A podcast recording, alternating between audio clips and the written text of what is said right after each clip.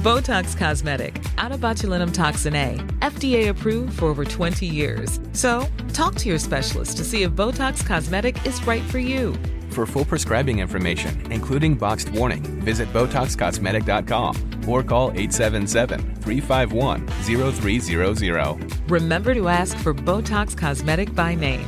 To see for yourself and learn more, visit BotoxCosmetic.com. That's BotoxCosmetic.com.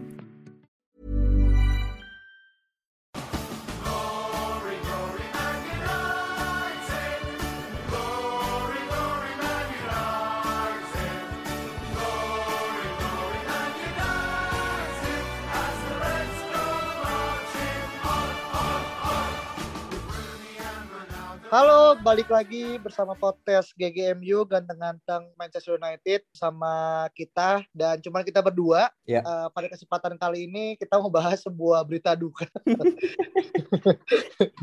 dan jujur gue ketawa-tawa pun dalam hati juga sebenarnya teriris ya teman-teman. Jadi dari kita tahu lah kemarin terjadi sebuah momen yang tidak terduga dan sebenarnya kita lebih pengen bahas terkait dengan apa sih yang terjadi secara keseluruhan terkait dengan match Young Boys lawan Manchester United di match pertama Liga Champion di away. Tapi sebelum ke sana gue mau nanya Vin, dari angka 0 sampai 10, seberapa nyesel lu bangun pagi ini Vin? Iya, gue gue sejujurnya gue nggak bisa tidur, men. Itu gue baru bisa tidur jam 3 lewat gitu. Kayak gue tuh kepikiran gitu, what the fuck Lingard doing gitu loh. Kayak lu ngapain ngoper ke belakang padahal jelas-jelas Victor Lindelof itu udah nyuruh buang ke depan kan gitu. Jadi gue masih kepikiran aja terngiang-ngiang di kepala gue gitu. Apa yang di pikiran dia sampai ngoper ke belakang gitu.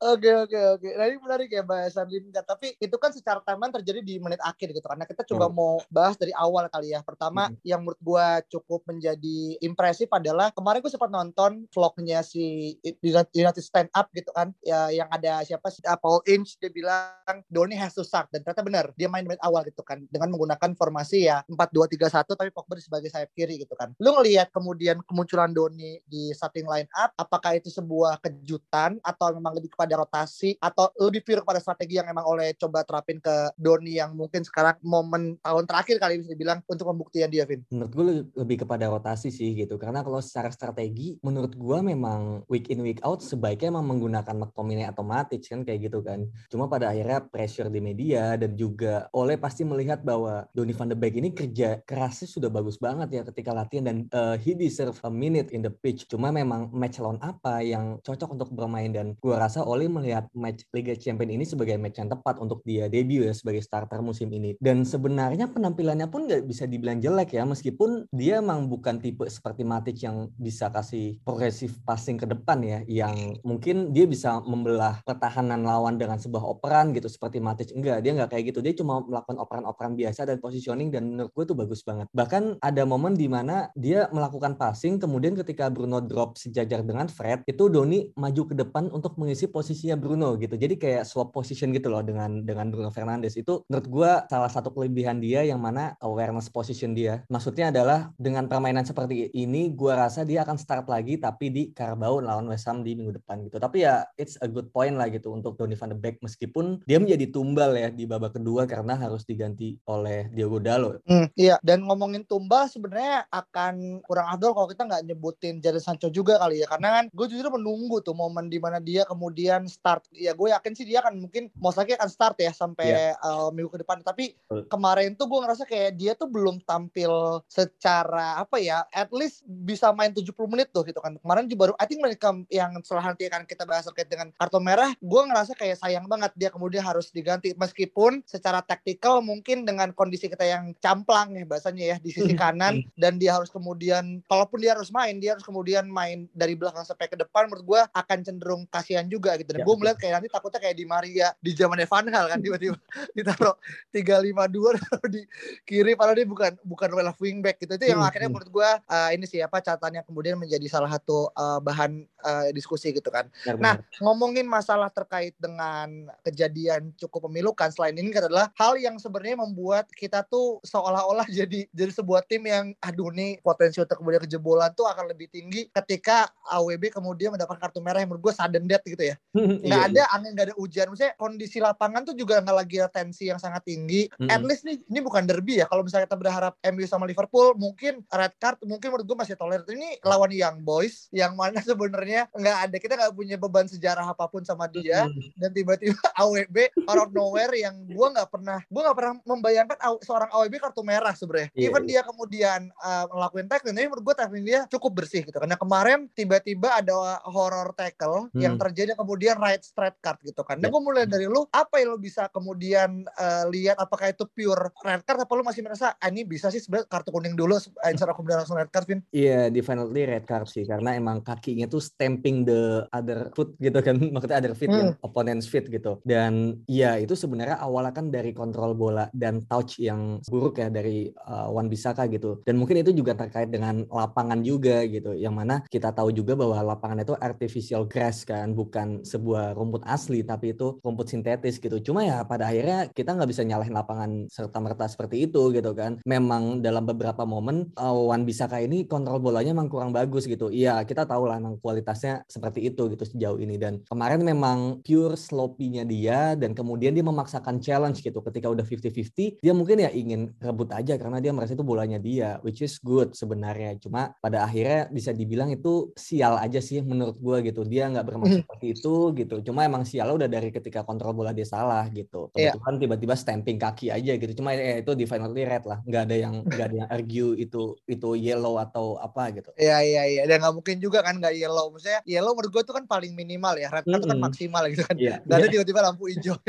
bener. ya jadi jadi menurut gue dan gue pun percaya gitu kan. Menurut gue itu terlepas mungkin ketidaksengajaan ya. Maksudnya Ya, not mm, intentional ya professional fall tapi kadang di era modern seperti ini kan kadang ada beberapa gesture ataupun aksi yang dirasa ketika memang itu udah mengenai sebuah kontak fisik itu definitely red card kayak tackle dua Betul. kaki dan yang semalam Mm-mm. menurut gue gue harus akui sebagai fans MU pun itu red card sebenarnya gitu kan despite of Mm-mm. kita ngerasa kayak anjir AWB ini jadi salah satu sumber petak kaki yang Matsugronya MU itu kemarin dari dari dia gitu loh nah ngomongin masalah AWB yang keluar terus tiba-tiba ada satu pemain yang menurut gue dia nggak akan nyangka dia akan main sebenarnya. Iya.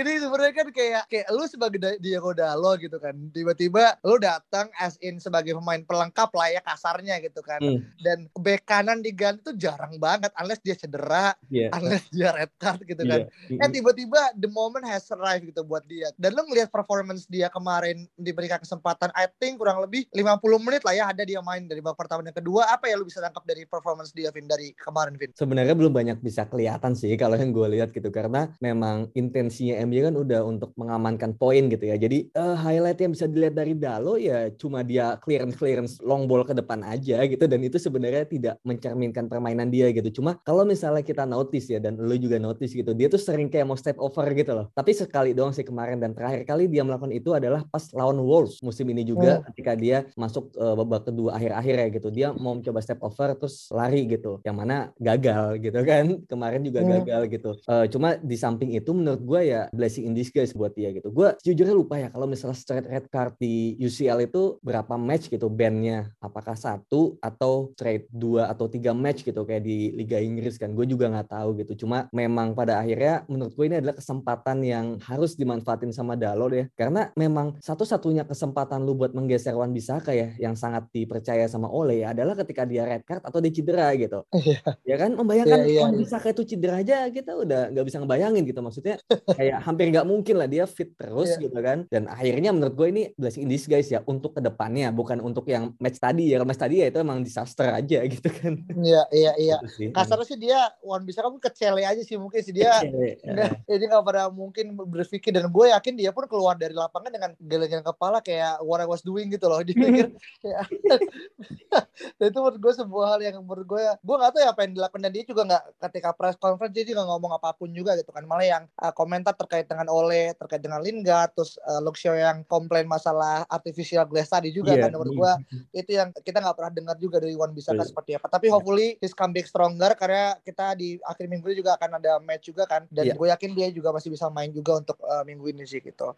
Hmm. Nah ngomongin masalah keberadaan bisa yang kemudian ditarik, ada formasi yang berubah gitu kan, di mana akhirnya banyak orang menyayangkan kenapa oleh ketika bermain melawan Young Boys gitu kan, dan kita kondisinya memang secara tim mungkin camplang gitu kan, atau mungkin pincang, tapi quality kita nggak jauh lebih berkurang ketimbang Young Boys secara pemain di atas lapangan gitu ya, di atas kertas Ronaldo, Pogba dan segala macam. Hmm. Tapi pas kemarin akhirnya tiba-tiba oleh mengenakan taktik yang cukup berbeda di babak kedua. At least dengan memasukkan Rafael Varane dan di langsung ya straight dan yeah. juga kemudian pakai 5-3-1 berarti ya mm-hmm. uh, untuk formasinya gitu kan. Nah, apa yang bisa tangkap dari kita menggunakan super defensif tapi ujung-ujungnya tetap kejebolan dengan menurut gua kesalahan di Varane mm-hmm. ketika dia gagal dalam melakukan body charge dengan Ray yang boys win. Mm-hmm. Iya iya, gue sebenarnya agak expected dengan Varane masuk gitu kan. Oleh bakal memainkan 5 back karena memang di awal-awal gitu kan sebelum babak kedua mulai itu yang boys benar-benar mengincar sayapnya MU gitu. Yang mana dia ingin crossing di situ. Dan kalau pakai 4 back itu bakal rentan banget Luxio dan juga Diogo Dalo gitu. Jadi memang memasukkan tambahan satu back dan juga berpengalaman ya backnya. Berpengalaman di Liga Champions itu menurut gua hal yang sebenarnya ya di atas kertas itu masuk akal gitu. Dan kemudian nanti Diogo Dalo dan Shaw bakal menjaga kelebaran gitu untuk menjaga supaya crossing-crossing itu tidak bisa dilepaskan ke kotak penalti gitu. Jadi sebelum crossing dilepaskan udah bisa diantisipasi lah sama back sayapnya. Yang mana itu tidak terjadi di gol pertama gitu. Dan gue gue sebenarnya expect Varane tuh bisa can do better sih gitu. Karena itu kan duelnya dia ya dengan strikernya dan gue jujur agak sedikit kecewa gitu kayak man itu Varane bisa harus ya gitu. Itu kan literally bolanya dia harus ya kayak gitu sih. Jadi sebenarnya hmm. di atas kertas itu perubahan yang bagus ya. Cuma memang pada akhirnya uh, implementasi balik lagi gitu. Itu adalah sebuah hal yang berbeda dengan dengan plan yang emang udah dibuat dari awal. Hmm, iya iya iya. Iya uh, semua orang menyayangkan sebenarnya kayak sekelas Champions League Varane bahkan dia udah punya nama ya signature sendiri gitu kan dia malah kemudian nggak bisa tampil dengan performance terbaik apalagi kan pemasukan dia kan kondisi minimal ya kita tidak kemasukan gitu kan yeah. eh kebetulan kemudian tiba kejebolan dua satu dari ketidaksengajaan yang satu kemudian datang dari kecerobohan mm. alliance defense kita menurut gue itu sebuah shameless sih gitu kan. Yeah, dan yeah. still orang mungkin akan tetap menyalahkan Oleh sebagai pelatih MU gitu. Iyalah. Iya iya iya. Oke oke oke. Nah sebenarnya satu hal yang paling menarik dari kemarin adalah kembalinya Cristiano Ronaldo di papan skor gitu kan. Dan jujur gue ngelihat gol itu kaget dan gak kaget gitu kan. Pertama dari asis yang dilakukan sama Bruno tuh menurut gue itu keren kelas banget sih. Dia pakai kaki hmm. luar yeah. membelah apa namanya lines defense ya siapa? Young Boys. Ronaldo mungkin kaget juga kali. Siapa namanya Bruno? Kayak gitu kan. Meskipun gue hmm. tahu dia punya Portugis connection tapi apa yang lu lihat dari performance Ronaldo uh, yang secara rutin ya mungkin gue bisa bilang dia akan konstan mencetak minimal satu gol per tiap pertandingan dan kemarin terutama di laga kemarin Bin menurut gue ya itu udah positioningnya Ronaldo ya yang emang gue juga kaget. Tiba-tiba Bruno kasih umpan pakai kaki luar kayak gitu crossing dan ternyata Ronaldo udah ada di sana gitu. Itu kan kayak kita nggak bisa membayangkan lah seorang Anthony Martial ada di sana gitu kan itu itu itu kayak gak mungkin gitu. Jadi ketika kita bisa menemukan Ronaldo di sana atau kebalik ya mungkin Ronaldo akan positioning dan ya Bruno dan kawan-kawan kawannya lah yang harus menemukan Ronaldo ada di sana gitu kan. Jadi kayak ball has to find Ronaldo kayak gitu. Dan ya itulah menurut gue week in week out yang akan kita saksikan kalau emang Ronaldo bermain gitu. Itu itu emang spesialisasinya dia gitu. Dan gue nggak kaget sih kalau pada akhirnya nanti di Liga atau Liga Champions depannya bakal terjadi gol-gol serupa gitu. Cuma pada akhirnya kalau misalnya ngomongin Ronaldo gitu, terutama ketika udah kita down to 10 man ya, setelah kartu merahnya Wan Bisaka itu kita kayak bertahan dengan 9 orang pas masih ada Ronaldo. Karena yeah. Ronaldo tuh bener-bener stay di depan nunggu bola, sedangkan kalau dikasih bola dia juga nggak bisa ngejar gitu. Larinya dia tuh udah bener-bener udah nggak sekenceng dulu gitu. Ya emang sih karena dia punya cedera bawaan ya di tahun 2013 gitu. Cuma pada akhirnya jadi make sense gitu ketika dia diganti oleh Jesse Lingard di menit ke sekitar 60-an something gitu. Gue juga lupa gitu. Itu itu juga sebenarnya menimbulkan perdebatan kan. Cuma uh, gue mau nanya ke lu ya, hmm. dengan masuknya Lingard ini dan digantinya seorang Ronaldo ya yang memang spesialisasi di Liga Champion itu menurut lu udah hal yang tepat dari Oleh atau sebenarnya itu adalah sebuah awal dari petaka gitu? Karena pemain yang bersangkutan itu itu dia melakukan blunder gitu. Iya iya, sebenarnya kalau terkait dengan pemindahan Ronaldo yang harus keluar menurut gue sih itu sebuah taktikal ya karena yeah. minggu ini kan kita akan ketemu sama West Ham kan. Yang mana menurut gue Ronaldo definitely will play juga gitu kan terlepas mungkin Cavani apalagi Cavani mungkin masih ma- kabarnya juga masih abu-abu dan gue nggak ngerasa posisi striker akan di sama Martial juga kan di, di uh, akhir pekan gitu kan. Jadi menurut gue Messi Ronaldo pun juga ketika keluar dia pun meskipun gue tak gue yakin dia pun agak sedikit kesel mungkin ya kayak di kondisi tim gue lagi ketekan terus tiba-tiba gue keluar gitu kan. Hmm. Tapi setidaknya dia paham bahwasanya ya dia bukan lagi Cristiano 10 tahun yang lalu gitu ya. Betul. Kemudian dia masih punya banyak energi, masih punya flair gitu kan. Gue ingat ketika dulu pas dia lawan Arsenal yang dia gocek-gocek dikit tuh kayak ya dia udah nggak bisa lah sekarang lah biasanya kayak gitu kan. Dan menurut gue ya udah just uh, come off. Nah, yang jadi pertanyaan gue adalah alasan kemudian memasukkan uh, Lingard sebenarnya gitu. Karena menurut gue di saat itu gue masih melihat uh, opsi-opsi lain seperti Greenwood Hmm. dan juga mungkin Martial atau mas ya Martial yang kemudian menurut gue masih bisa dijadikan sebuah apa ya opsi lah gitu kan. Oke gue paham mungkin ketika lo masukkan Lingard harapannya lo bisa punya seorang attacker yang dia bisa untuk kemudian agak, agak turun ke bawah gitu kan. Iya, betul. Ketimbang ketika lo masukin Greenwood ataupun Martial yang dia akan sama-sama aja kayak Ronaldo bedanya Hmm. stamina-nya stamina sama speednya masih ada gitu kan. Hmm, hmm, Tapi terkait dengan defense contribution mungkin akan berkurang gitu kan Iya, iya. dan dan ini menurut gua oleh gambling balik lagi gitu kan dan Hmm. apalagi ketika kemarin minggu lalu ya kita baru kemudian uh, hegemoni Jesse Lingard mencetak gol Hmm. oleh pun akhirnya udah menurut gua psychologically udah senang banget dengan penampilan Lingard gitu kan Iya, menurut iya. gua ya itu adalah sebuah reward yang didapetin menurut gua fair enough lah tapi masalahnya adalah seperti yang Lin- oleh bilang ya kadang in football you sometimes cannot predict anything so it, it's up and downs gitu kan dan menurut gua sekarang mungkin kita akan uh, menyalahkan Lingard dan menurut gua dia salah dua dari Wan Bisaka yang kemudian mau disalahkan gitu kan. Iya. Uh, gue gak tahu apakah akan dapat head treatment dari Ronaldo ataupun Bruno karena kemarin kalau lu lihat mereka berdua kan berdiri kan di sideline kan kemudian salah jadi sebagai co-coach gitu kan kayak Co-coach. coach ada Hmm. punya gitu kan jadi jadi menurut gua gua nggak tahu apa yang dilakuin tapi most likely sih semoga apa yang oleh sampaikan di pers itu bisa dijadikan uh, pembelajaran lah at least dalam kondisi yang genting janganlah kemudian mencari memainkan bola panas itu dan Lingard menurut gua stepping into the wrong uh, door sih. Dan ya udah. Dan dia pun ketika lu lihat mukanya dia ketika dia ngumpan bola satu bener-bener dia tuh kayak orang ketakutan gitu. Jadi kayak gua gak tahu ya bener lu lihat apa kayak anjing dia bilang gitu kan. Aduh di udah udah gue yakin dia udah kayak berasa lu kerja di perusahaan lu ngilangin 250 juta dan ini rasanya kayak gitu gitu loh. Dan, dan Liga pun gue yakin kayak gitu juga gitu. Hmm, Aduh, mati gue nih. Untung nggak dipecat kan misalnya nggak ada gitu kan. Jadi menurut gue itu sih. Ya balik lagi sebenarnya mirip Wan Bisaka juga kan. Dia sial Iya. aja gitu karena selain itu juga ya dia kontribusinya nggak lagi jelek gitu kan memang gue setuju sama lu gitu dia memang dipasang untuk pressing gitu kan yang dia bisa work rate kan dia cukup bagus ya jadi dia bisa maju mundur maju mundur gitu kan cuma memang buat counter attack pada akhirnya MU nggak bisa manfaatin itu gitu cuma mungkin ada satu subs terakhir yang gue agak bingung gitu yaitu ketika lu ngeganti Fred di menit ke 90 dengan Martial itu buat apa gitu lu mau ngapain iya, lagi iya, gitu iya. kalau kalau mau Iya, masuk iya. attacker kenapa nggak dari tadi gitu? Kenapa baru Iya. di menit 90?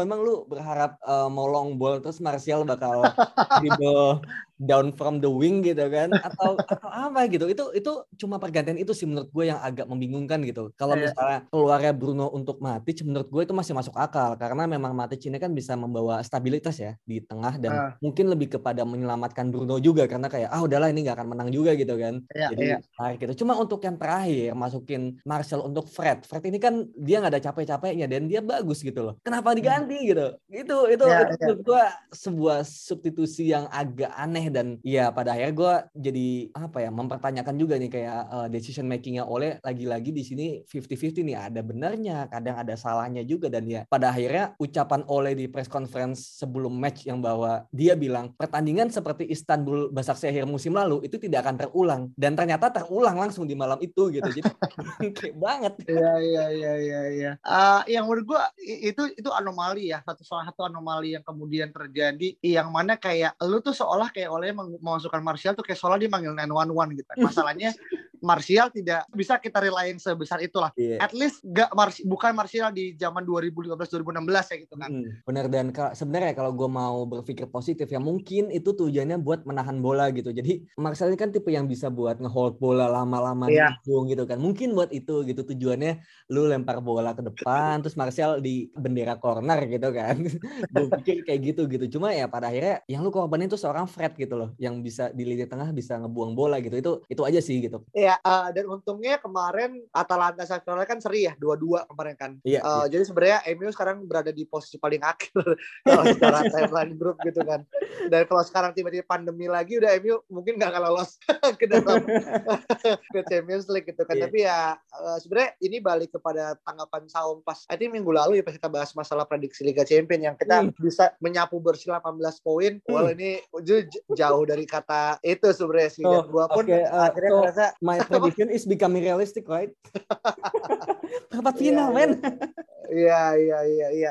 Tapi memang sekarang mungkin kita terseok-seok tapi bukan berarti di match berikutnya bukan selesai lawan Atalanta ya di home Iya, kan. Real. Jadi oh sorry Villarreal di home kan. Yang menurut gua at least mengembalikan kemenangan lah. Gua nggak gua nggak bilang kita harus beri balas dendam dan harus mencetak misalkan let's say 8-2 pas kita lawan Arsenal. Enggak, tapi paling enggak Iya. ya at least 1-0 2-0 tuh udah bisa menyelamatkan muka MU paling enggak kembali ke tracknya lah kita naik ke peringkat 2 gitu kan. Menurut gua Iya, benar. itu yang diperlukan sih konsistensi dan juga lebih kepada harapannya oleh tidak berbicara terlalu ya bahasanya apa ya jing sekali ya lu Hmm. bicara ataunya malah kebalikan yang akan terjadi kan menurut gue itu ya semoga tidak terjadi lagi sih Iya setuju setuju memang pertandingan Villarreal ini kebetulan dua minggu lagi ya gitu jadi Ah. oh ya kan minggu depan kita masih Carabao lawan West Ham dan minggu depannya lagi sebelum international break kita bakal melawan Villarreal di home gitu dan menurut gue itu sangat krusial karena lu nggak mungkin lu meninggalkan tim dengan em, international break tapi lu dengan beban udah dua kali kalah gitu kan atau baru satu poin gitu kan di Liga iya Champions. iya Itu iya. beban para pemain dan juga pelatih dan fans juga mungkin ya. Lu nggak bisa Hmm. nonton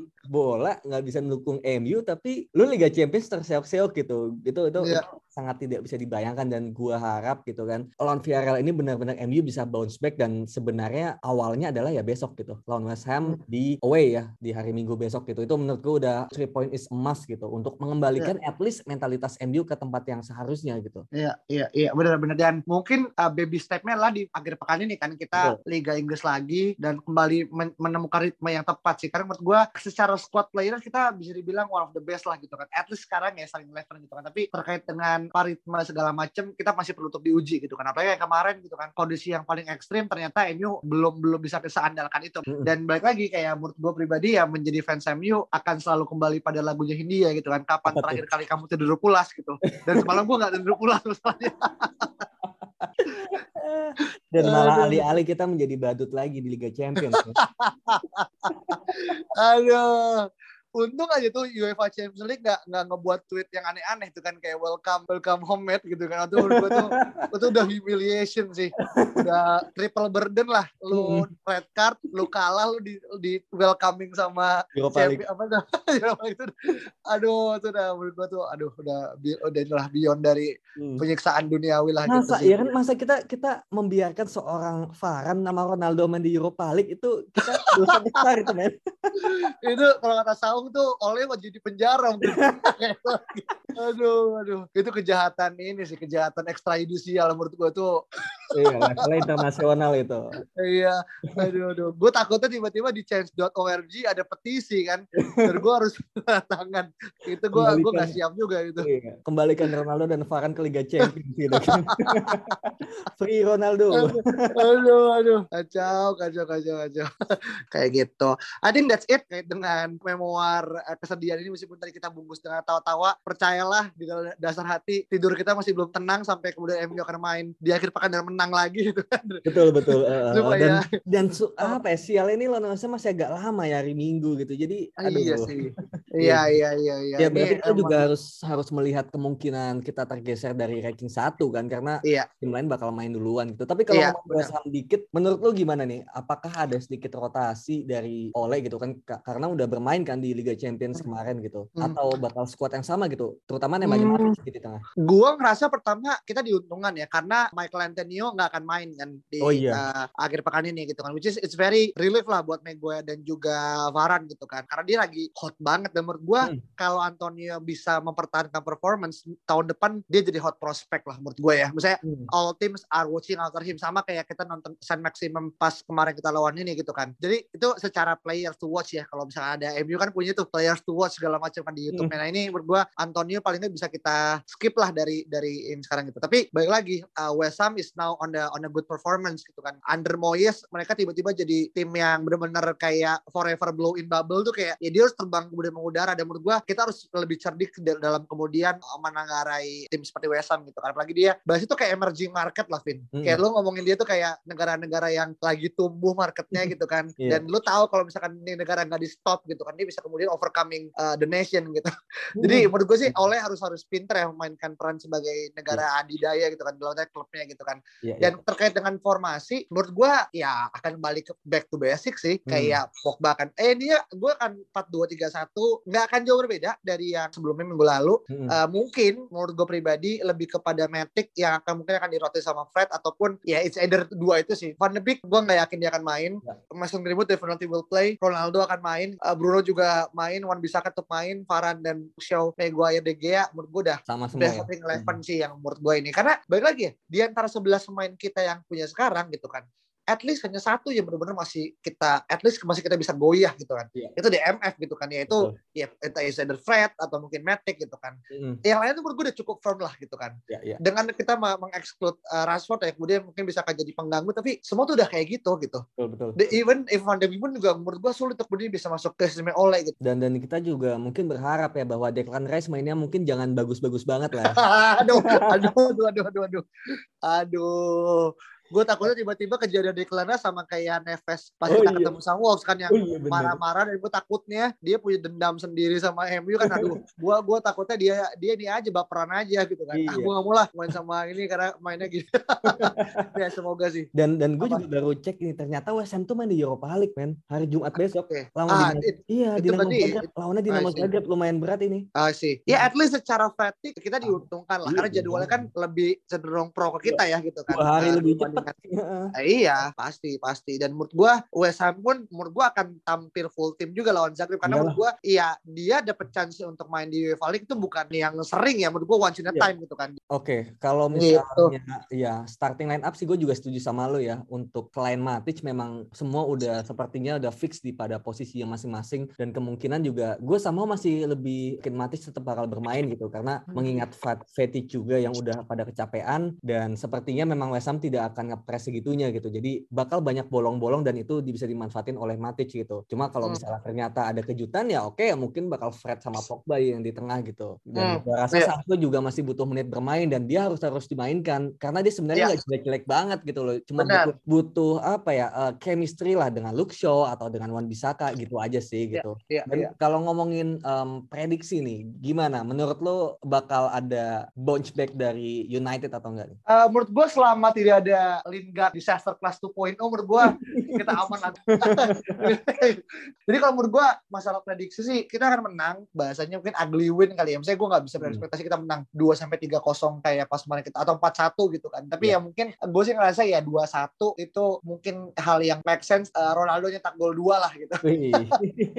Tapi Gitu tetap sih, kebobolan ya. Iya tetap kejebolan kalau gimana tapi tetap sih menurut gua kejebolan adalah ritual yang nggak bisa kita pisahkan dari MU. Meskipun ada Varane tapi somehow ya kemarin udah kejadian kan. Tapi semoga ini terjadi cuma Champions League doang gitu kan. Jadi nggak diulang lagi di sini kayak gitu. Hmm, hmm. Iya iya. Hmm. Kalau gua rasa eh, di sini malah dengan fatigue ya. Maksudnya kalau misalnya nggak ada fatigue mungkin em, gua bakal setuju sama lo gitu. Kita bakal ugly win yang skornya agak tipis gitu. Tapi dengan adanya eh, West Ham main Europa League juga, kemungkinan dia bakal full tim lawan Zagreb. Kemudian juga mereka ya dua hari bermain lebih lambat ya daripada kita gitu. Ya advantage buat MU gitu. Gua Hmm. rasa harusnya kalau memang nggak ada kekonyolan lagi ya kayak Lingard, Awan Bisaka juga yang red card dan semua sesuai rencana gitu. Menurut gua 2-0 selisih dua gol itu bisa banget. 2-0, 3-0 apalagi kita punya seorang Ronaldo. Kasarnya lu tinggal mainin sampai uh, final third atau cross atau ke sayap, kemudian ya lu tinggal cari Ronaldo aja gitu. Dia bakal bisa masukin bolanya kayak gitu sih. Iya, benar benar benar. Dan baik lagi, menurut gua Ronaldo akan masih tetap jadi sorotan utama ya dan Old Trafford akan kemudian masih tetap bergemuruh FIFA Ronaldo gitu kan. Hmm. Bahkan sampai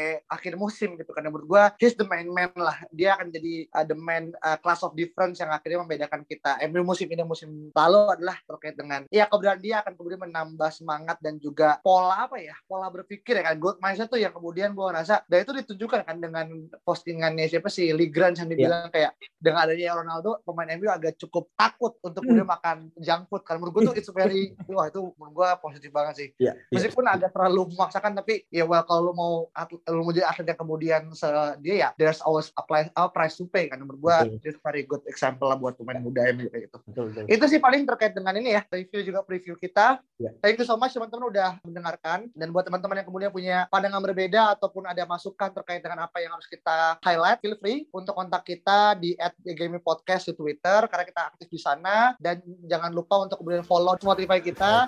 Dan sampai jumpa di pertemuan berikutnya. Dadah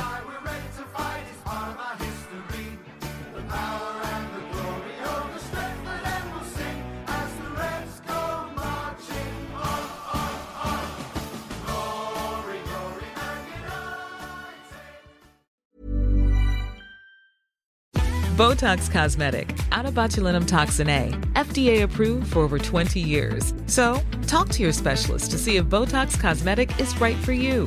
For full prescribing information, including boxed warning, visit BotoxCosmetic.com or call 877-351-0300. Remember to ask for Botox Cosmetic by name. To see for yourself and learn more, visit BotoxCosmetic.com. That's BotoxCosmetic.com.